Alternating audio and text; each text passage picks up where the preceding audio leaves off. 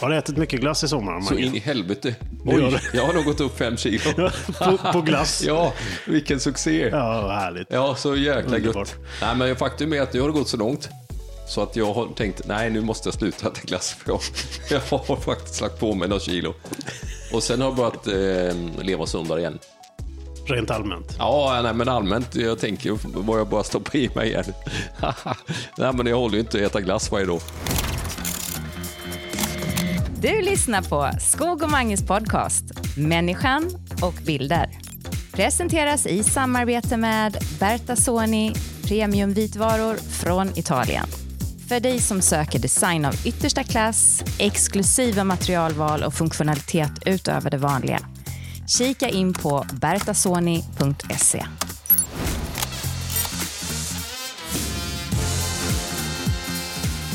Underbart. Har varit en bra sommar. Det, nej, det har det inte. Vädret har ju varit skitdåligt. Ja, men det gör inget. Det spelar inte så stor roll. Nej, men jag, jag försöker låtsas som att, det, som att solen skiner. Kolla, här kommer våran eh, goa, eh, Sveriges bästa segelfotograf kommer med lite prylar här. Ja, samtidigt som eh, Daniel Stenholm, som han heter, våran husfotograf och Sveriges bästa seglarfotograf, packar upp sina grejer på bordet.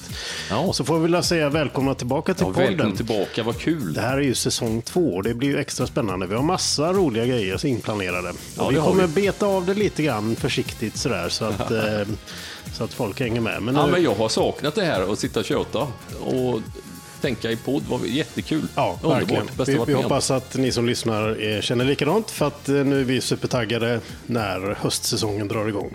Välkommen Daniel, du vet att man, man har en Man ska hålla mikrofonen. Ja, tjena. Det här, Hej! Var är micken? Just det, hej. Välkommen till den här eh, samtalet eh, om Ja, fotografering. men vad trevligt att komma Underbart. och hälsa på er här. Ja, vad det är kul. underbart det. Underbart roligt. Jag tyckte att det blev en lite dålig start på hela poddandet när han bara garvade åt dig och mig. För att vi var, tyckte att det är fint med svarta t-shirt. Ja, det har vi. Kom in Ja, genom men ni dörren. har liksom svart, det är ju verkligen helt svarta från topp till tå. Det är, liksom, det är stereotypen av en kreativ människa nu. Ja, exakt. Och så Och kommer du- jag med vit tröja, jag blir helt fel ju. Ja, ska vi börja prata kläder? Ja, men du har ju seglartröjan på dig. Du ser ut som en seglare logga. i alla fall, det får man säga. Ja, okej, ja, men tack. Det kanske, kanske jag gör. Daniel, berätta om Mm. dig själv. Vem är du då? Ja, men herregud, vem är jag? Jag, jag är lite yngre än dig faktiskt. Det, är kan man inte tro det. du ser ganska gammal ut. Ja, ja precis. Ehm, nej, men jag jobbar ju som um, seglingsfotograf då, Mm. bland annat. Vid sidan av mitt andra jobb som webbutvecklare.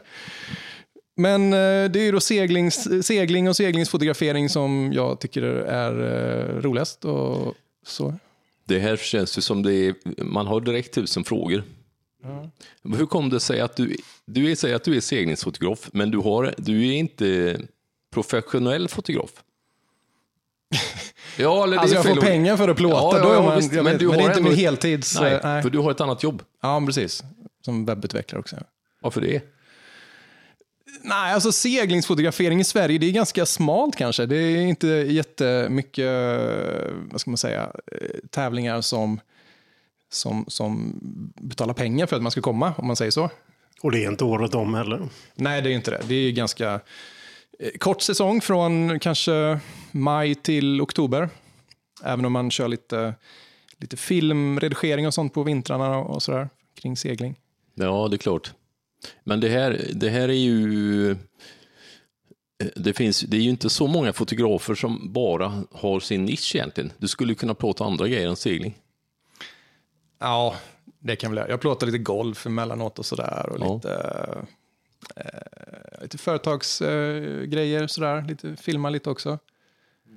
Men det vi far efter tror jag, för så som jag känner dig Daniel, när vi träffades första gången för många, många år sedan. eh, Då var du ju redan då en riktigt duktig fotograf. Du, jag jobbade på Halmstad bollklubb. Vi hade dig, eh, klubben hade dig som matchfotograf. Du satt och, vid sidlinjen och plåtade alla matcher, fotboll, fotboll. Och, eh, Och jag vet att dina bilder var ju så bra så att jag använde dem eh, eh, mer ofta än bildbyråns bilder till exempel. Utan att eh, klanka ner på dem. Men, men det var ju bra bilder redan då, så du har alltid varit en duktig fotograf. Men det känns som att du aldrig har velat vara en heltidsfotograf. Eller jobb- du vill ha det som en avancerad hobby. Stämmer det? Mycket bra fråga, Mattias. Varför är det så? Alltså det är ju så här, jag, jag jobbar ju med webb också och jag tycker också att det är sjukt roligt. Och man har liksom sina arbetskamrater där. Man har många roliga projekt som jag jobbar med där. Och eh, så. så det, jag vet inte, det är liksom två olika genrer, delar som man slits lite emellan sådär, även om de också tangerar varandra. Liksom bilder har man ju på webben också. Så ibland behöver man plåta lite inför webbarna. Men eh, jag vet inte riktigt, jag har väl inte riktigt eh, inte vågat ta steget roligt. som ni andra. Liksom. Men det var inte så att det var så roligt ändå. Det har inte jag tänkt på egentligen. Det, man tänker att fotografering är det roligaste som finns, men det finns ju de som måste välja bort det för det finns roligare saker, som tycker det är roligt att göra andra saker. Ja, men kanske. Ja, men alltså, jag tycker fotografering är jätteroligt, men webb är också väldigt, väldigt roligt. Och det, jag vet inte, det, är- det är skönt att kunna ha ett riktigt jobb, om man säger så, också, att gå till. Och sen kör man seglingsfotografering vid sidan om och då kan man liksom renodla att det är just seglingsfotografering. Då behöver man inte... Nej, Kanske behöver plåta inte andra göra grejer några heller, liksom. brödjobb på den Nej, bemärkelsen. precis. Nej, det är klart. Ja, Intressant. men jag, jag känner igen det på något sätt. Eftersom jag, jag har inte varit fotograf hela mitt liv heller. Jag har hållit på med andra grejer. Och det jag har hållit på med har alltid varit det roligaste som jag kan tänka mig att göra. Eh, och då, ja, det finns ju inte tid för att jobba heltid med sju, åtta gre olika grejer i olika branscher. Tiden räcker inte till. Nej. Men eh, det du har nu när du är, åker runt på de här stora häftiga seglaräventyren och plåtar. Det måste ju ändå vara riktigt roligt att kunna ha det som en hobby, att göra det på en hög nivå. Fastän det är i begränsad omfattning. Och så tjänar du pengar också på det då, på din Ja, hobby. precis. Ja, det är, fan, ja, men det är faktiskt så. Alltså, Jag har ju seglat sedan jag var liten.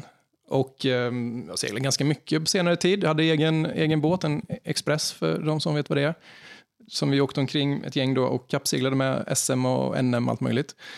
Eh, men sen plåtade jag ju också, eller det är ganska sen grej där med seglingsplåtningen rent professionellt. Det var kanske snart tio år som jag hållit på med det. Men då när man satt där på segelbåten och seglade och det var liksom ganska schysst, du vet, bra ljus och du vet, det kanske blåste ganska bra så man visste att fan hade jag plåtat nu, det blivit jävligt coola bilder tror jag. Så då känner man att man Tacksamt.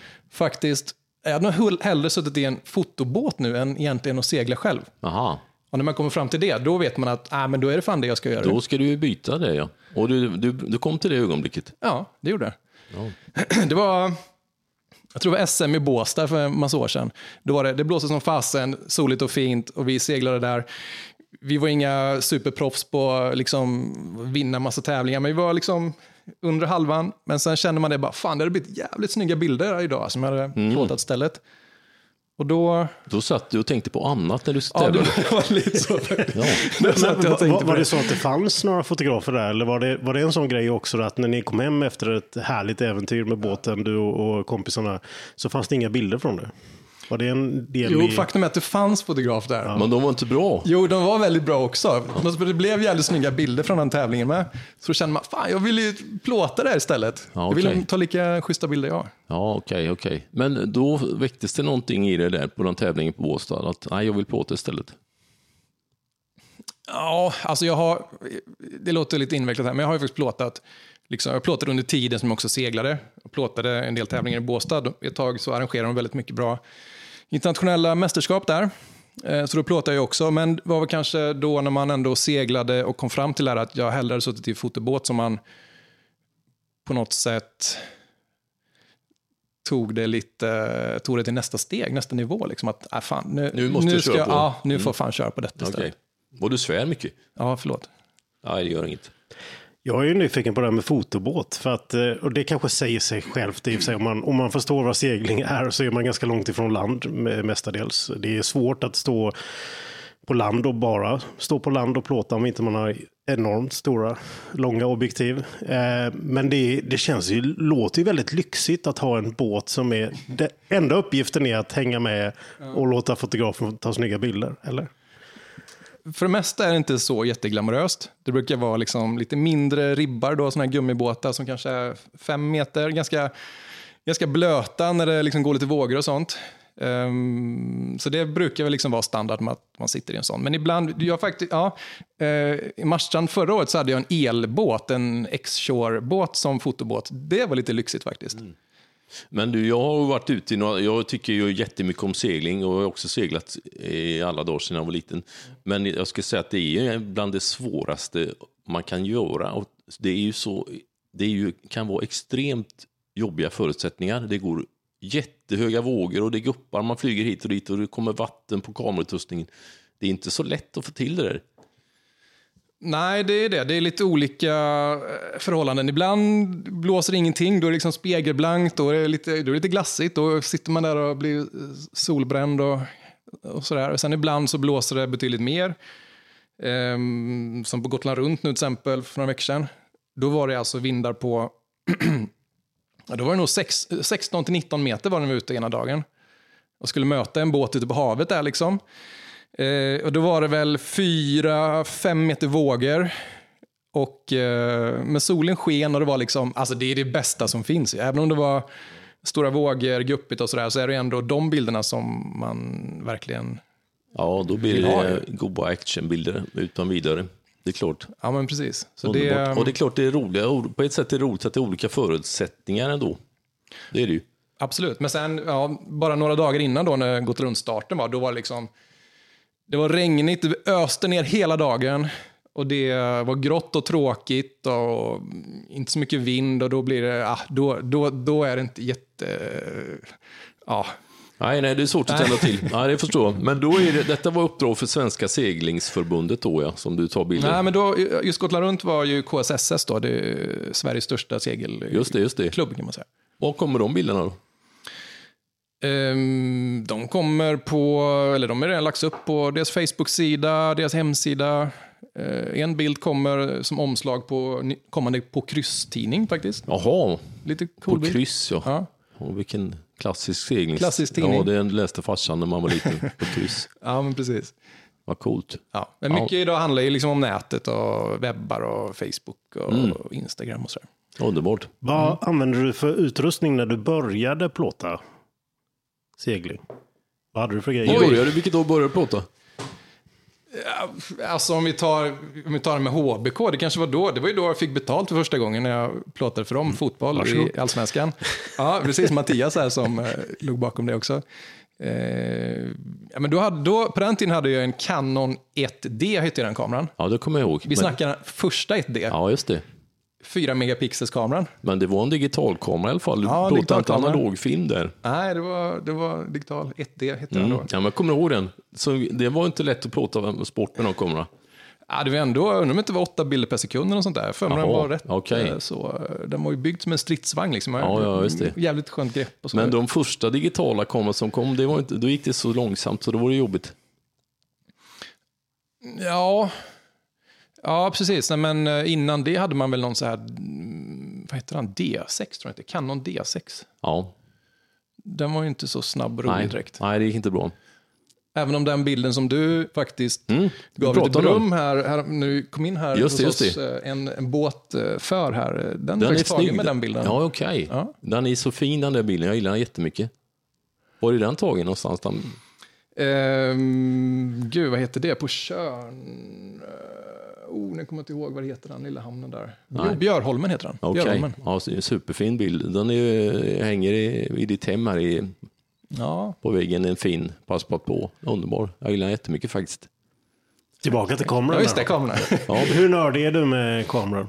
jo, men jag är väl ganska nördig får man säga. Jag, eh, alltså, foto på något sätt är det liksom ändå en prylsport. Har man, har man inte rätt grejer så får man ju inte ens bilden som man vill ha. Liksom. Så det är väl viktigt. Och, och du roligt ser ut att vara en Canon-nörd. Ja, men det har faktiskt varit Canon sen, sen start får man väl säga. Även om jag även kör en Panasonic GH5 när jag filmar emellanåt. Um, men annars är väl Canon allting. Jag gillar inte Canon, men det är en smaksak. Alla, Jag har ju haft lite Canon-grejer förr, men eh, nej, det var länge sedan. ja, jag hade en Canon en gång tror jag. Ja, just det. Annars så gillar jag Nikon. Men nu, vad är det du har idag? För nu, du har plockat fram lite grejer nu. Ja, men det här- och, måste ja. man tänka på ett speciellt sätt när man plåtar under de här förutsättningarna du pratade om innan? Mycket väder och vind, eller är det liksom...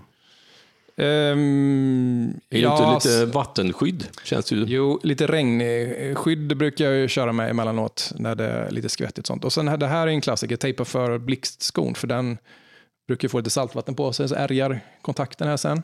Vad smart. Ja. Eh, och faktum är att just nu har jag min riktiga kamera på reparation faktiskt. Oj, vad hände? Eh, det var ju på Gotland runt då, då eh, den kanske fick någon vattenstänk för mycket på sig, så den funkade lite sådär ett tag där. Mm. Men den, det kan komma någon sån och knacka på dörren här och lämna tillbaka den faktiskt. Det Så hade den, varit den är- roligt. Ja, det hade varit något. kul. Nej, på tal om det så har jag faktiskt, det var så min Canon la av, därför jag gick över till Sony. Sony. Sony. Sony. Vadå? Vadå? Sony. Blev de, blev de sura då Nej, för det- att du började använda Ja, Sony? Så, Canon sur. Nej, men det var på ett träningsläge med Halmstad bollklubb som jag jobbade för för många år sedan. Det var utanför Barcelona där och det var oerhört, på tal om regn och väder, det var oerhört regnigt. Det var sådana riktiga monsunregn och så vidare. La Manga, La Mata. Eh, nej, det var uppe vid Barcelona-trakten där. Eh, Jag kommer inte riktigt ihåg det hette stället nu. Och det regnade så mycket och det regnade så mycket. Och så Tomas Syrskdauskas, kommer du ihåg? Ja, visst, gamla mittbacken. Mittbacken, eh, stor och stark som en oxe. Eh, han var uttråkad efter en vecka där de hade bara tränat, sprungit runt i skifall. Eh, så lyfte han upp mig, han tyckte det var kul. Han var så jäkla stark, han kunde bara lyfta upp folk. Så han lyfte upp så på raka armar och så bara slängde han mig ner för en backe på en golfbana. Det lät roligt. Ja, det, Det måste vi testa Och det stod hela A-truppen stod asgarvade och så bara gled jag ner i eh, typ en sådär 30-40 centimeters pöl med vatten. Med kameran på magen. Nej, Sen, sen dess har jag aldrig haft en Canon. Så att, ja, de är ju inte helt vattentäta. Ja, den pajar. Fotbollsspelare är inte att lita på. Nej, det var lite tufft. Det var tuffa förhandlingar med klubbdirektören där med att få ut en ny kamera. För det var min privata givetvis. Ja, det var ju Ja. roligt. Tillbaka till eh, seglingsversionen då. Mm. Du har en, en trasig kamera som är på väg hem, men den här den använder du som en backup. Vad heter denna modellen nu då? Oh, det där är en 5DS heter han. Just det, men Den den, är ju inte helt ny då, eller? Den tycker jag har funnits den är gammal. länge. det, det är lite mer studiokamera. Det är väl en 50 megapixels kamera. Men eh, den har fått eh, åka fram igen nu när jag behöver en sån här undervattenskamera. Ja, Så jag har ju den till min En, undervattenshus här. ja vad coolt. Så vad det heter här- det här då? Ja, det här är en... Oj, vi ska se om vi kan ta av den här lilla toppluvan här som jag har. Så det här... Men du, den är helt ny. Du fick en sån här eh, torrpåsegrej som Ja, måste den, ska, den ska vara där kameran är egentligen. Eh, Sådär. Det här är alltså en eh, sån undervatten, sån här dome kallas det för, så man kan ta bilder som är liksom halva över, halva Ja, under ja, vattnet. ja, det där är fint. Så det, Jag tar en bild på det här så att vi kan se på, Ja. på Insta. Du, får jag- Skog och Mange så kan man se vad, hur Får det ser jag, du, du tog fram en bok här eh, också som du har tagit massa bilder. ja. Den är, omslaget är ju... Eh, nej, det är kanske mer en telebild det där. Det är inget, Ja. du, har, du använt en sån här innan? eller? Den här, oj, den här är ny för i år faktiskt, just den här. ehm, Har du inte använt en sån här innan? Jo, men jag har haft lite enklare variant, någon lite mer vattentät påse liksom, som Mm. man stoppat den i. Det här, det är väl kanske nästa steg. Men absolut, då, den, den finns lite sådana bilder här också i, Mm. i boken där. Gillar du det här då? Och experimentera fram bilderna måste vara kul. Ja, men just det här med eh, de här halva över, halva underbilderna. De kan bli jävligt co- Ja, ja, ja absolut. väldigt coola. Ja, de blir skitcoola ju. Visst. Ehm, och första gången jag hade den, det var i Marstrand här nu i år. Och då, ehm, det finns en bild här som är ganska cool när, hade, när jag fick med en manet också framför linsen. Ja, gött. Så det blev en manet och så en, en båt eh, Vad snyggt. över där. Den blev, den Ja, lite cool. roligt. Underbart. Jag eh, kommer ihåg någon gång faktiskt att jag har använt ett akvarium och stoppat ner kameran i. Men det gick det inte några vågor som då hade blivit svårt. Men jag hade ett litet akvarium som stoppade ner det. Och sen halva. Okej, så hade kameran i ett eh, luftfyllt akvarium då Ja, kan man säga. ja, så stoppar du ner exakt, i exakt. vattnet. Mm. Ja, men det låter Ja, det är kreativt. samma grej, men det var rätt coolt faktiskt. Ja. Det var länge sedan. Då fanns det nog inga sådana här eh, fina grejer. Underbart. Ja, men precis. Ja, men det blir lite annan dimension. Och sen kör man med drönare också, så man har Mm. liksom både bilder uppifrån och bilder eh, ja, från vatten, liksom vatten, oj, vattennivån och även liksom under. Står du på land med drönaren? Du kan inte vara i fotobåt med drönaren. Jo, jo, det kan man vara också. Kan man det? Ja, och nu måste vi stanna till här Det lite känns lite Så- Som drönarpilot så, så är det ju en sån grej som jag skulle kunna få en klump i magen utav. Landa alltså på start, en båt. start och landning från en båt. Särskilt om det är lite vind. För det behövs ju inte jättemycket vind för att de här små drönarna ska kunna bli lite svajiga. Men starten går väl an, men landa, det känns ju läskigt. Nej, men det är inte så svårt som det låter tror jag. Men det är väl om det går lite vågor som kan vara lite, lite lurigt. Eh, nu till Gotland runt så um, köpte jag en sån här pinne man kan sätta på drönaren. Så då när det gick, ja, inte var det gick två meter vågor kanske. Ja, så var det så du tar emot den där med pinnen då? Ja. Ja, men precis. Ja, Ni okej. vet den här eh, Mavic Pro, de är ju de är ganska små liksom, och lätt att få in fingrarna i propellrarna när man Mm. Ja, tar ner ja, det är den. inte så gött. Så då har man en sån pinne istället, man bara tar lite Jaha, snabbt och det enkelt. har jag aldrig sett. Det var det har väldigt jag smidigt faktiskt. heller faktiskt. Vilken bra grej. Ja, jättebra. Coolt. Köper man på Amazon för typ 300 spänn så är det någon som har liksom 3D-printat ut den. Ja, Vilken succé. perfekt.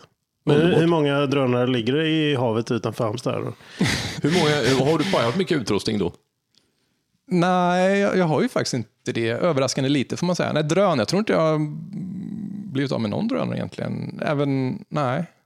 Ja, det är ju Man fantastiskt. har varit nära tycker man några gånger, men eh, nej, inte. Det är klart, det är inte så mycket träd och grenar att krocka med där ute. Det är Nej, men några precis. master, men inte så mycket mer. Klart, om det Nej, men- blåser i havet känns det ju lite läskigt också. Ja, Men, men det är inte det. Alltså, ibland frågar folk så här, men det är inte läskigt att köra över havet? Men liksom, det finns ju inget enklare. Det finns inte träd på hela havet. Liksom. nej, nej, det är klart. Det finns några sätt. master, men man kan ju försöka hålla sig över dem då om man är lite Ja, det känns ju nervös dumt över det. Men annars är det segla, bara... åka in i ett segel hade inte varit bra. Nej. Faktiskt. Nej, och man är inte för nära vattenytan heller, för då är det ju uppenbara risker att Ja, det kommer man, en ja, liten precis. våg. Nej, men man brukar hålla sig en bit upp. Så Du det- fegar det- lite ändå känns det som. är man inte på gränsen så man, nej. Ja, man har ju sett lite filmer. ehm, Det är rätt kul att se. Folk som är riktigt våghalsiga ibland, Mm. drönarna på, på havet. Ja, det piggar upp att se lite så när de pajar sina drönare. är roligt. det är ändå kul. Underbart. Men detta är intressant också, skogen. Du, om man nu ska prata om eh, teknik, och jag, ja, du har ju en sensationellt rolig berättelse som du har mött en god gubbe i sommar. Ja, precis. I Falkenberg var det I till somras. Falkenberg var det. Ja. Och då stötte jag på en härlig kille. Vi kan väl lyssna lite grann på vad han sa det. ja, vad spännande. Skog och Manges podcast Människan och bilder presenteras i samarbete med Bertasoni premiumvitvaror från Italien. På Fotografi Falkenberg som är en kombinerad utställning. Det är seminarier om fotografier, det är utställningar och så vidare. Här träffar vi Stefan Mann som är Leicas representant i Sverige och Danmark. Hur är det att vara på, på ett sånt här event och, och jobba? Ja, det är ju jättehäftigt. Det är ju här man får träffa de här entusiasterna som eh, gör bilder och visar bilder. Och det är ju det som jag och Laika tycker att det är det, det viktigaste, att snacka bild. Teknik är all ära, men bilden och känslan är ju det viktigaste. Och att få representera ett av dem, om inte det mest kända, välkända historiska, klassiska märket utav allting. Du måste ju ha det roligaste jobbet i fotobranschen. Ja, jag får ju ibland eh, nypa mig själv i armen. Ja, faktiskt. För, speciellt när man är nere på, eh, på, i verkstaden då, på fabriken. För där är ju, de- man är ju stolt över det hela och man vet om det. Men man är också väldigt ödmjuk inför det hela. Och, eh, det är inte så lätt att förmedla det här arvet vidare och tänka rätt hela tiden i den här tekniska innovationstiderna som vi har just nu. Va? Nej, vad är det som gör det? Att det, både den här rika historien som finns, men också de stegen Leica tar idag som gör att det är absolut relevant och, och häftigt och intressant och, och sådär. Vad är, vad är det magiska med det? Ja, det är att man kombinerar det klassiska arvet från dåtiden i det nya. Man tar våran M11 till exempel. Den är ju en superteknisk eh, high-tech kamera med, med den nyaste sensorn och allting i. Men ändå så kan du sätta på objektiv från 1954 och det fungerar. Och det är fortfarande det klassiska som gäller, det vill säga ISO, tid och, och, och bländare. Eh, och lite till då. Men, men eh, eh så man har det, här, det nyaste men ändå det klassiska i. Så att, så att man känner igen sig och man blir bara glad när man använder det där. Va? Eh, sen sådana här små saker som att det låter speciellt och känslan i själva kameran och i objektiven att eh, det, eh, det, det blir, jag får ju gåshud själv när jag står och berättar om det här. Va? Det, man, man måste känna. Och det är mycket känsla med Leica.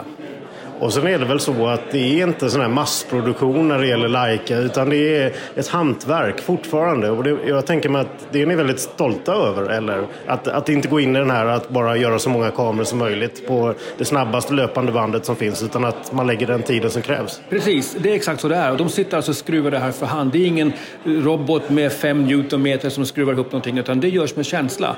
Så att varje kamera, varje produkt är ju handgjort. Va? Och det, det, då, då tar det ett tag. Va? Så att det är ju ju inte så att det är, som ni säger, en massproduktion. Och nu har vi släppt en ny kamera, Q3, och den togs ju med storm. Vi är lite faktiskt eh, tagna av hur det har blivit. Så att nu är det ju väntetid på det. Va? Jag hoppas kunderna väntar och vill vänta. Eh, för den är väldigt, väldigt trevlig den kameran då.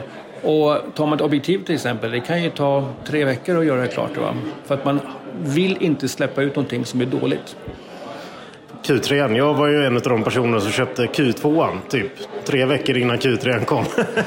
men, men, men det, det, tillhör ju det här, det här, det här livet som ja. fotograf och prylintresserad människa. Men samtidigt, det som lugnade mig lite grann var precis det du sa där. Ja, men väntetiden kanske ändå är så pass lång så att ja, Q2 kommer ändå vara en ny fin kamera ganska länge. Q2 är en fantastisk kamera, du ska inte känna dig sådär utan det är ju... Det är, nej då, det behöver inte vara så. Men, men återigen, att eh, där har ju då Leica då tagit ett, ett steg vidare och förfinat små, små varianter av det så att den, den Q3 är i sig en produkt som gör att man, man kan kliva in i den världen också. Då, va? Men det är inte så att bilden blir sämre, det är bara att vägen till bilden blir lite lättare. Va? Till sist här då, min poddkollega Magnus Andersson, han har ju hängt på stängslet länge. Han, han han vill ju verkligen köpa en Leica, men jag vet inte var, varför han inte har gjort det än. Men eh, har du ju chansen att pitcha rakt till min kollega här. Varför ska man köpa en Leica? Ja, det är ju ganska enkelt, för varje gång jag lånar ut en Leica till mina kollegor eller kompisar, när de sen ser bildfilerna så säger de att det är något visst. Det är den här Leica-feelingen, Leica-känslan i bilden eh, som inte går att ta på, men den är där och den syns. Min, min, min pappa som är då tekniskt obegåvad när det gäller kameror, han, när han såg mina bilder med Leica så sa han jag måste ha en. Och han struntade i liksom vilken modell, jag vill bara ha någonting som passar mig. Och nu är han jättenöjd för han ser skillnaden. Ehm, och det gör man. Och sen är det ju ganska häftigt. Vi brukar säga så här, de som kommer in, de som köper Leica, välkommen till missbruket då. Va? För att eh, det blir som en drog att använda kameran. Den följer med hela tiden för det blir ett annat sätt att dokumentera. På tal om det så visade du lite bilder här alldeles nyss då eh, på huvudkontoret. En fantastisk anläggning. Eh, då blir jag lite sugen på, om man nu tar en bandspelare och kommer ner två stycken poddare från, eh, från Sverige, kan man få sig en liten rundtur då kanske? Ja, då får du räkna med en lång rundtur. Va? För vi har ju både museum och vi har ju tillverkningen och vi har ju butikerna och Classic Store och, och det finns massor att berätta. Va? Liksom. Till exempel på museet så har vi de första negativen tagna med en urlika 1914. Va? Så vi kan också gå till stället där de togs för det finns markerat så du kan ta en likadan bild. Alltså allting är ju det är häftigt. Så det får du räkna med en lång dag. Ja, men då tror jag vi bokar in en sån dag till kommande avsnitt och lite längre fram då. Tack så hemskt mycket Stefan Mann, Lika Sverige och Danmark. Tack själv. Tackar. Hör av dig och kommentera det du hör i podden på Instagram. Skog och Mange. Ja, det här var ju imponerande festligt. Det finns så mycket, jag börjar nästan gråta, vilken succé. Att vi ska få bli inbjudna Ja, det blir ett stort äventyr ja, det i podden vi, till Ja, det måste vi göra. Ja, vi åker ner till Leicas huvudkontor och så får vi The Grand Tour där. Nej, men snälla På nog. svenska. Och vi, givetvis så har vi ju med podden. Det ja, blir det måste vi ett ha. eller flera avsnitt därifrån. Ja. Eh, och min tanke Daniel är ju att du ska hänga med också som lite behind the scenes-fotograf och kanske Oj. filma lite grann och sådär. Ja, vilken succé. Ja, jag häng med, vad roligt. Ja. Vi drar, vi drar. Men jag tycker han verkar vara en lite säljare den där killen ändå. Han är supertrevlig, han lät ju bra. Men att säga att man skulle se skillnad på en Leica-bild och en, det, det, tror jag inte en sekund på. Ja, vi får se efter det här besöket. Ja, jag, jag, kan, jag ska inte säga, jag älskar ju kameror, men det där är ju säljtugg ändå. Kom igen, det är klart man inte ser skillnad på en Leica-bild och en annan bild. Du skulle aldrig kunna pricka en Leica-bild. Nej, kanske inte det. Men eh, jag, jag bryr mig bara om mina egna bilder. Ja, ja, ja visst. Jag är, glad, jag är glad. Det är inte så att de blir dåliga bilderna. Nej. Nej. Och de är fina kameror, jag älskar dem. Så är det. De är, är du nöjd fortfarande med den då, Mattias? Eller? Ja, ja, herregud. Detta är ju det är så underbart att ha den här. Ja, den är fin. Liggandes i väskan. Man bara plockar upp den och så tar man en, en härlig bild. Det är gött. Den är superfin och jag, men, jag är glad. Men jag skulle nog inte ta med den ut på sjön tror jag. Då vill man ja, nog ha det lite sån här... Det där är ju intressant. Då har man ju misslyckats tycker jag. Ja, men då, tänk, då förstår jag ingenting. Om det är så att du kör upp en kamera som du är rädd om, då har man ju misslyckats. Det är ju bara, kameran är ju som en slit och släng. Det ska ju aldrig finnas... Ja, men det, det är därför jag lånar dina kameror när vi ska ja, ut på sjön. Ja, ja, nu klarnar bilden. Det är klart. Men jag, jag, jag, för mig är det ju, jag har ju jag, klart att jag kan älska kamerorna. De är superfina som möbler, jag älskar dem. Men om man ska tänka att man är rädd om en kamera, då har man ju misslyckats. Jag håller helt med dig. Jag håller helt med dig. Jag försökte passa in våran gäst här igen. Ja, ja förlåt, förlåt. Vi ska inte snacka Stenholm. Säg något gött. Ja. Helvete. Nej, men alltså, ja, det är som med drönare. Man får ju liksom vara beredd på att den kommer ju krascha en vacker dag. Exakt, men det spelar ingen roll. Så jag läste någonstans om en smart grej, man måste ju vara beredd att köpa två stycken. Annars har man inte råd med den. Nej, Och vara liksom vara beredd på att en kan gå åt skogen. exakt. Man ska alltid ha två grejer med sig. Klokt. Helt rätt. Berätta något mer seglarminne. Ja, vad ska jag berätta? Vad ska du göra nästa gång då? Ja, då blir det, då blir det ja, mm, ja, näst, ja, det är nog nästa vecka där. Då ska jag åka till eh, Delphi, segelsällskapet Delfiner nere åt eh, Ängelholm och plåta lite åt Svenska Seglarförbundet. Ja, kul. Så då blir det seglarskol, eh, Optimistjolle. båtar. Optimistjolle blir det då. Ja, vad coolt Precis. ju. Just det, och det, det, för det är så häftigt med de grejerna du tar. Det är både den här yppersta eliten, du har varit med landslaget ute på internationella äventyr i de stora fina båtarna. Men och så är det även ner till seglarskolan, liksom. du täcker in helheten där på något sätt. Ja, ja men precis. Och det, är- det är väl roligt också att eh, ta hela bredden där. Det, är- det är ju ja, det, det är ganska få som är den här yppersta eliten, men segling är ändå en så stor sport som man kan hålla på med så länge också. Det är det som är lite tjusning med det, att man kan ju hålla på tills man nästan eh, coolar vippen. Liksom. Det, Det kommer du göra ju. ja. Ja, men det är gött. ja, men det är ju så. Alltså, det finns ju sådana som är liksom 75-80 år som seglar som fortfarande är bra på det. Mm. Ja, ja, ja, absolut. Och är det inte så att de som är, eller så är det ju, det är coolt, de som är erfarna, jävlar vad de seglar ifrån vem som helst. Ja, de är ju gamla gubbarna och seglar från alla. Ja, men det får man säga. Det är lite erfarenhetssport också där med segling så det, och kappsegling. Kanske. Så det, ja, men det är kul, man kan hålla, på länge. Det är inte som fotboll, man får gå i pension när man är 35. Liksom, Nej, det är ju rätt coolt faktiskt. Ja. Ja. Absolut. Men du, om du nu skulle ha några drömmar om ny utrustning när du skulle plåta, vad skulle, är det någonting du saknar? Eller? Har du några långa, brukar du stå på land ibland? Med långa gluggar? nej, nästan aldrig. Nästan aldrig.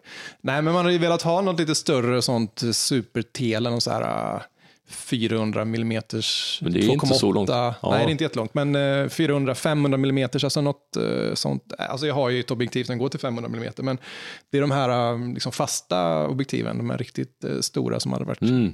det hade varit kul att ha något sånt. Ja, det är klart. Ja, men du får köpa. Du håller ju också på med, och har alltid gjort det, i alla fall så länge jag har känt det, med just videoaspekten utav kamerorna. Ja. Eh, Och eh, även filmat en hel del eh, segling, inte minst då livesändning. Och det tycker jag är väldigt spännande. När man snickrar ihop, eftersom eh, jag har gjort en hel del livesändningar från avgränsade ytor när man är inne i på en teater eller i ett Eh, någonstans ja, inomhus där det är liksom kontrollerade miljöer och det är ganska små rum. Men du har ju varit med om riktigt, de här riktigt stora grejerna. Hur, hur får man det att funka liksom från eh, ja, att det ska bli bra, bra sändning utav det? Ja, det, är- det är ju spännande. Vi, eh, det finns ju något som heter Allsvenskan i segling som är en, en seglingsserie för de 18 bästa lagen i Sverige. Och när vi började med det, det måste ha varit typ 2000, vad kan det vara, 17, 18 någonting som vi började sända lite mer live från det. Då, då var det väldigt enkla medel. Då hade jag en sån här DJI Osmo-kamera. Första versionen där som var gyrostabiliserad. Just det, bara ett handtag med en liten kamera på va? Ja, precis. Och sen då så kunde man koppla den till sin telefon eh, för att sända live då. Och då, hade, då kommer jag ihåg att vi, ehm, vi åkte omkring då i den här fotobåten och så filmade jag med den. Och sen hade jag kommentatorn bredvid mig som fick prata i en mick då. Så det, Oj, vad gött. så det var liksom första versionen. eh, Som Vilket vi körde. år det är då? Ja, men jag kommer inte ihåg riktigt, men det kan ha varit 2017 någonting kanske. 16, Ja. 17. Och så Och sen har du ute utvecklat på det hela. Facebook och YouTube. Ja, typ precis. Ut på Facebook var det. på Och, och då fanns det en publik som kollade på det då? För att, Ja, eller? Det kanske var de eh, närmst sörjande egentligen, men eh, ja, några hundra kanske var som kollade. Det var mest som en rolig grej. Alltså det som gav mest tittare, det var ju då eh, vi filmade ett kval till allsvenskan tror jag det var, eh, uppe på Marstrand. Och då var det en båt som, eller de, de krockade, de hakade i varandra med masterna så ena masten gick av. Oj, och då var det lite spektakulärt sådär, Ja, när masten gick av liksom och, och sådär. Så då kom den upp på GP tror jag, Göteborgs-Posten och det var väl kanske 15-20 000 views på den och det var Oj väl vad coolt ju.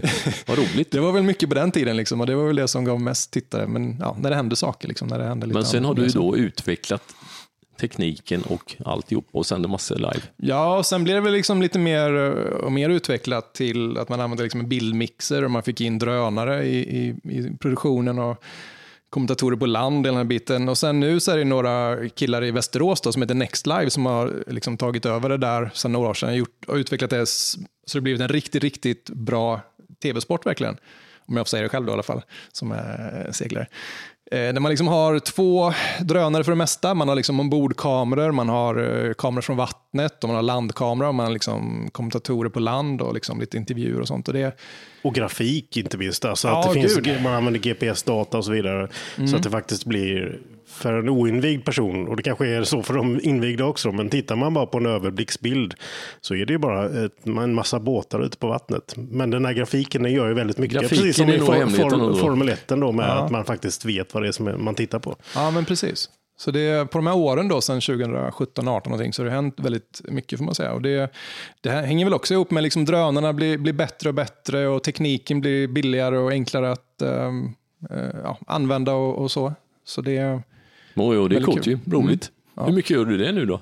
nej, jag gör inte så mycket nu. Jag mm, rycker väl in ibland och kör lite drönare när det, när det behövs, men annars är det här Next Live-gänget som, som, Sen som kör det. Ja, ja, okej. Men Det du, vilket är bra. roligast att filma eller ta stillbilder? Ja, det är nog stillbilder, tror jag. Det, det, ja. Känslan när man har Ja, Flottande bilden. Mm, precis, alltså riktigt snygga bilder är ändå uh, schysst. Men riktigt snyggt filmat är också jävligt nice. Så det, är, ja. Ja, det är lite jag har svårt att välja, men jag tror stillbilder ändå. Men eh, det är klart, om man, om man tänker den där masten som eh, krockar ihop, om, om det var filmat eller stillbild, då är det ju filmat, det är det bästa. Ja, alltså en bruten mast på bild är rätt coolt med. ju. Ja, det kan det vara. ja. Men när man ser det i en rörelse, då är det ändå... Ja. Smaksak. Ja, det är en smaksak. Ja, det det. tror jag. Men det, det svåraste av allt, och det här har vi pratat om flera gånger innan, när man är hybridfotografen som både filmar och tar stillbilder. Och då ska man ju Det välja lurigt. en sån här situation. Ska jag filma detta eller ska jag plåta på? Ja, precis. Ja, men det är det som är det svåra. Man kan ju inte göra båda samtidigt. Liksom. Det, man får välja lite. Så ibland kanske man filmar, ibland plåtar man. Och, eh, ja, då kanske är någon grej som man hade velat ha i båda, på båda eh, mediumen, båda sätten. Liksom. Mm. Nej, det där är jobbigt, när man vet om att man missar det ena eller det andra. Det är fortfarande jobbigt. Och då blir det ingenting utav Nej. något utav det. Nej, det är faktiskt jobbigt. Men du, vi var, jag tror Magnus snu- snuddade vid det innan här. Framtiden då? Vad, vad drömmer du om? Vad, vad är de häftigaste grejerna man kan göra inom det gebitet du håller på med? Finns det några häftiga tävlingar någonstans i världen där du ser Internationella seglingar som du får ut och dig att plåta. du ska vara ute och plåta på? Jorden runt-segling. Mm, ja, nej, men det finns ju mycket nere i Medelhavet. I, alltså Sardinien finns det ju bra tävlingar. I Porto Servo där är det ju många häftiga tävlingar med stora häftiga båtar och fint väder, stora förutsättningar. vågor. Och då vill man ju gärna plåta från helikopter. Det har jag aldrig gjort än så länge. Så eh, plåta från helikopter i schyssta förhållanden, det, är ju, det hade ju varit drömmen tror jag. Mm. Just nu i alla fall. Vad häftigt. Underbart. Ja, men det piggar upp. Ja, Jag har gjort det. det har du gjort. Ja, ja, det är en succé. Oj, Men du, du var väl över Manhattan och flög helikopter? Ja, det var en succé. Vi, eh, vi skulle flyga Manhattan och ta lite bilder av New York. Det var, då var det ju en båttävling faktiskt. Det var ju en, eh, vad heter det, snabba racerbåtar som skulle ha någon tävling i södra Manhattan. Och då startade vi och åkte iväg. Jag tänkte, ah, men det blir inte så gött ändå. Så frågade piloten, kan vi inte få öppna dörren så vi kan filma liksom? Ja, det går bra, öppna dörren. Och så, det blir ju kalasbra bilder. Det blir sådana fantastiskt bra bilder. Jag hängde utanför och satte Ja. benet på den där stolpen där. Och hängde, Hade, du någon sele? Nej, jag hade ju ett bälte liksom. eh, vanliga, vanliga bältet. Ja, där. bältet där. Ja. Det var så gött. Och jag tänker, fan vad bra bilder detta blir. Och han, eh, Formel 1-gubben Janne Blomqvist satt bredvid mig. Han är så höjdrädd. Så han höll på han höll på att börja gråta. Av, han blev så rädd faktiskt. Han blev så rädd och tyckte det var skitjobbigt. Han bara, Nej, stäng dörren, stäng dörren, stäng dörren. Underbart. Satte du med din stora, den här megastora Ja, det var en gammal eh, Panasonic-kamera då faktiskt. Ja. ja, det var roligt. Den är inte god att tappa ner i huvudet på någon. Nej, nej, men en det, det där var ju tveksamt. Man flög över hela Manhattan liksom och, och hängde ut där. Så, Det blev en krater när du tappat Ja. ner den. Där. succé, bra bilder, Ja. underbart. Skog och Manges podcast Människan och bilder presenteras i samarbete med Berta Soni, premiumvitvaror från Italien. Men Daniel, det är ju inte, det är ju inte så lätta förutsättningar. Det är, inga, det är inga givna förutsättningar att plåta segling. Nej, det, är väl, det kan vara lite olika det där. Eh, Jag plåtar mycket bankappsegling då, där man har ganska korta race eh, mellan eh, bojar. Och, och, det beror ju så väldigt mycket på, på väder och vind hur, eh, Eh, ja, hur, hur banan, vart en banan ligger till exempel. Vrider vinden liksom 20 grader, då får man ju flytta banan med så att man hela tiden har en riktig krysslänsbana som det heter, att man kryssar mot, direkt mot vinden. Um, och ibland kanske kommer något, eh, några mörka moln som gör att det vrider lite temporärt. och ska man då flytta om banan eller inte. Och, man kan säga det är väl raka motsatsen till att plåta innebandy, där man vet att mellan klockan 16 och 17.30 då kommer det vara uh, tio spelare, eller hur många ja, man nu är, på exakt. det här, innan den, för, den här Ljus, samma ljusförhållanden. Sargen. Precis, samma ljusförhållanden och det kommer vara där, det kommer inte komma någon regn. Alltså, Nej. Det, är lite, det kan vara lite... Det, det, det, det måste det vara en del av charmen ja, på ett sätt. Precis. Att man har ingen aning var det tar vägen ändå. Liksom. Ja, men exakt. Sen kan det vara stiltje. Då kanske man väntar i tre timmar på att vinden ska komma. Liksom. Då, då, kan man inte, då kan man inte segla. Då är det ganska bra tålamod är bra att ha. Ja, men det får man väl ha. Tålamod är bra och um, um, ja, Nej, man får bara vara beredd på att det, det, kan, och det händer hela tiden, att eh, det blir lite uppskjutet och att det flyttas banor och att det händer saker och sådär. Så det, vilken, är, vilken vindriktning är de fina, är de bästa bilderna? Om du är, kommer båtarna emot? Nej, det finns vilken ingen vindriktning? Farlig. Ja. Är det bra om det blåser mycket? mycket? Jag gillar att det blåser mycket. Just när det är den här bankapseglingen, då brukar man ha en övre gräns på kanske 12, 13, 14 meter per sekund där man inte kanske seglar egentligen, för det tar för mycket på, på materialet och, och sådär. Um, men någonstans där 10-12 meter per sekund är roligt att plåta. Då händer det mycket bra, ja, stora vågor, sprutar mycket vatten och sådär. Jag tänker på naturens krafter, just när det blåser till lite grann, för det gör det ju emellanåt då såklart. Eh, hur, hur, nära vågar man komma där med en fotobåt egentligen, för att inte riskera att, att det blir en krock eller att du Ja, så ja. kan jag tänka att du vill inte vara för långt ifrån heller. Liksom, hur, hur dirigerar man sig fram där för att få men det är placera kameran? Det är du som styr fotobåten. Du säger gå närmare eller vänster, höger. Liksom. Ja, men det kan man, det kan man säga. Avbord, styrbord ja, säger man väl? Jo, det vet jag. Ja. Ja, förlåt, jag skäms. Ja, eh, nej men eh, man får försöka komma så nära som möjligt, men visst, man, ska inte, man kan inte vara, man kan, man kan inte ligga där man stör båten allt för mycket. Det finns ju vissa ställen som man inte ska ligga på. Det, det kräver väl också lite att man som fot fotobåtsförare vet vart man kan vara och inte vara. Ehm, vi pratade lite om fotobåtar förut, att det brukar vara så att man har en fotobåt och så har man en förare på den båten. Och Det är väldigt viktigt att man har en bra förare som både vågar ligga nära, men också vet vart man kan ligga och inte ligga. Så det, ehm, det är också viktiga saker. Mm. Mm, men du, eh, nu ska vi göra ett blindtest på skogen. Vilken är sida i styrbord? Åh oh, herregud. Nej, just det. Han utsätter sig för... borde vara höger. Styrbord borde vara vänster. Ingen. Hade jag rätt eller?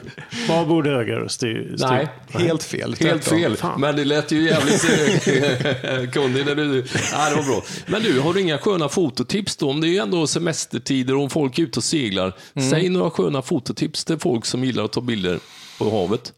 Oj, fototips. Gud, vad ska man ha för fototips? Det här var... Om man ska få bra seglarbilder, vad, vad, vad, vad ska man göra? Man ska ha framme kameran, det är väl det viktigaste, och försöka komma nära. Eh, och sen, mm, ja, tänk på vad det är för bakgrund till exempel.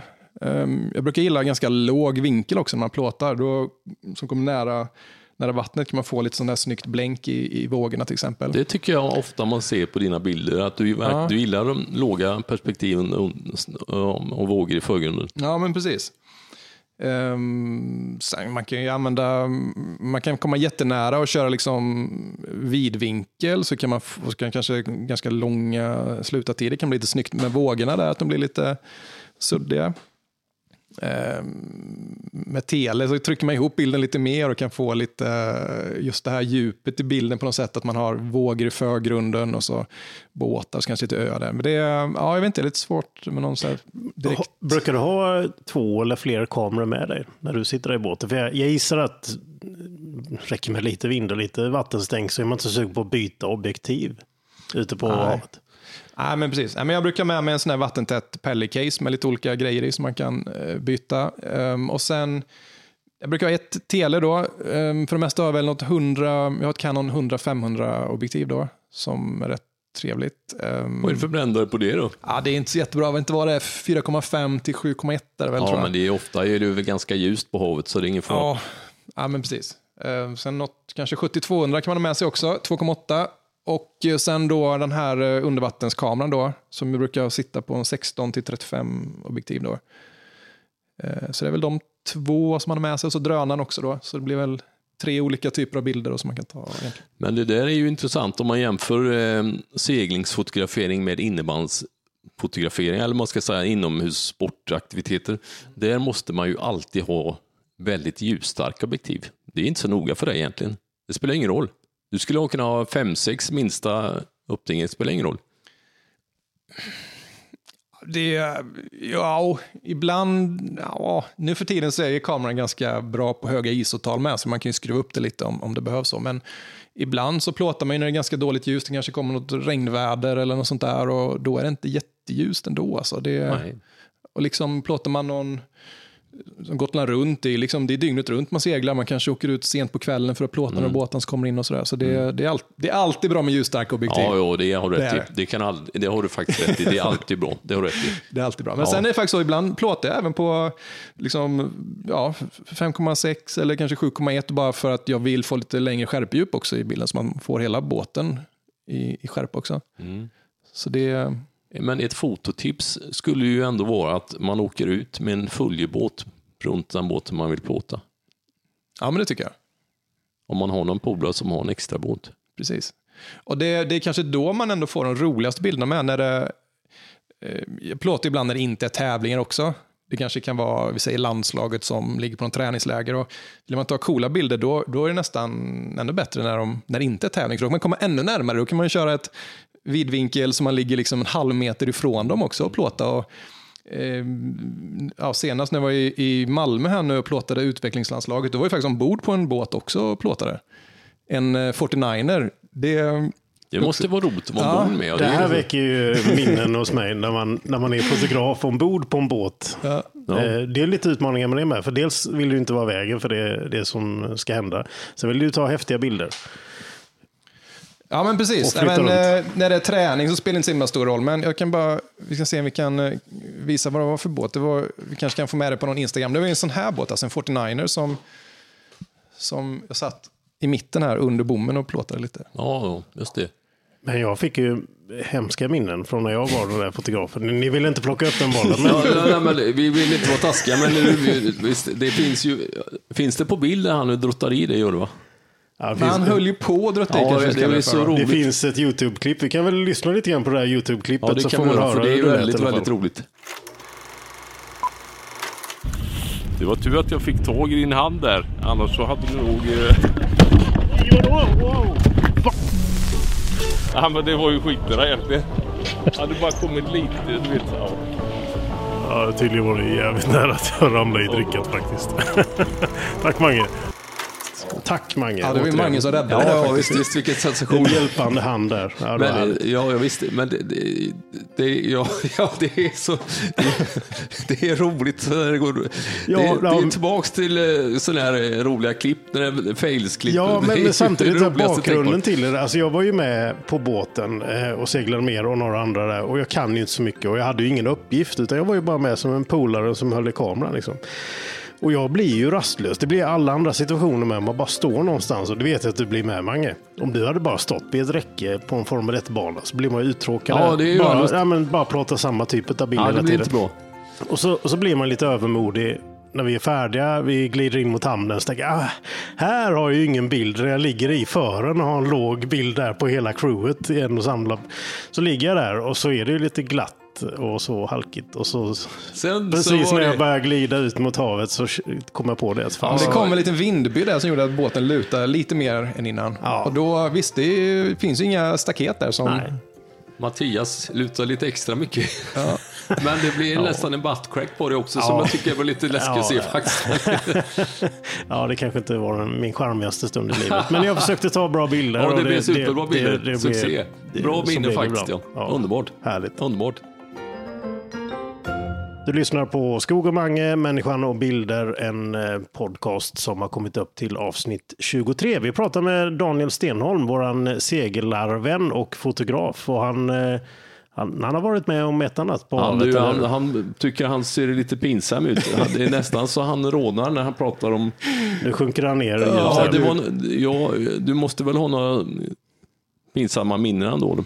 Ja, men jag har ju faktiskt en grej som inte var så himla spännande. Det var, det, vi pratade om det här med vart man skulle ligga och inte ligga med båten. Ligga med båten. Ja, men det är så man brukar säga så, vart man ligger med Ja, båten. förlåt. Ja, men, mm. ja, men det är så här att man, man ska inte ligga för nära. Eh, och man ska ju vara på rätt ställen.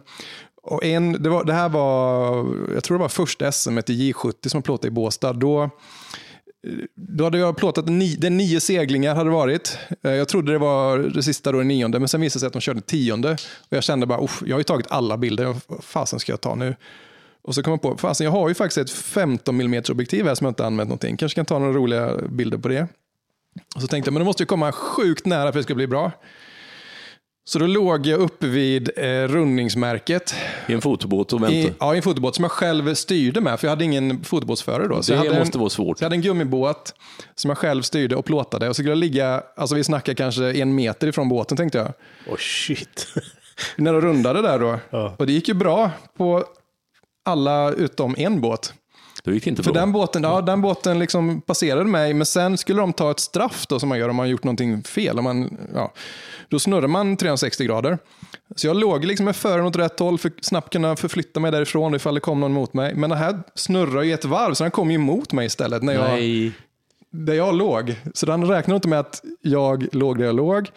Och jag räknade inte med att en båt skulle komma emot mig. Så när jag gasade på då svängde ju akten liksom ut lite. Så då träffade han mig i akten på båten.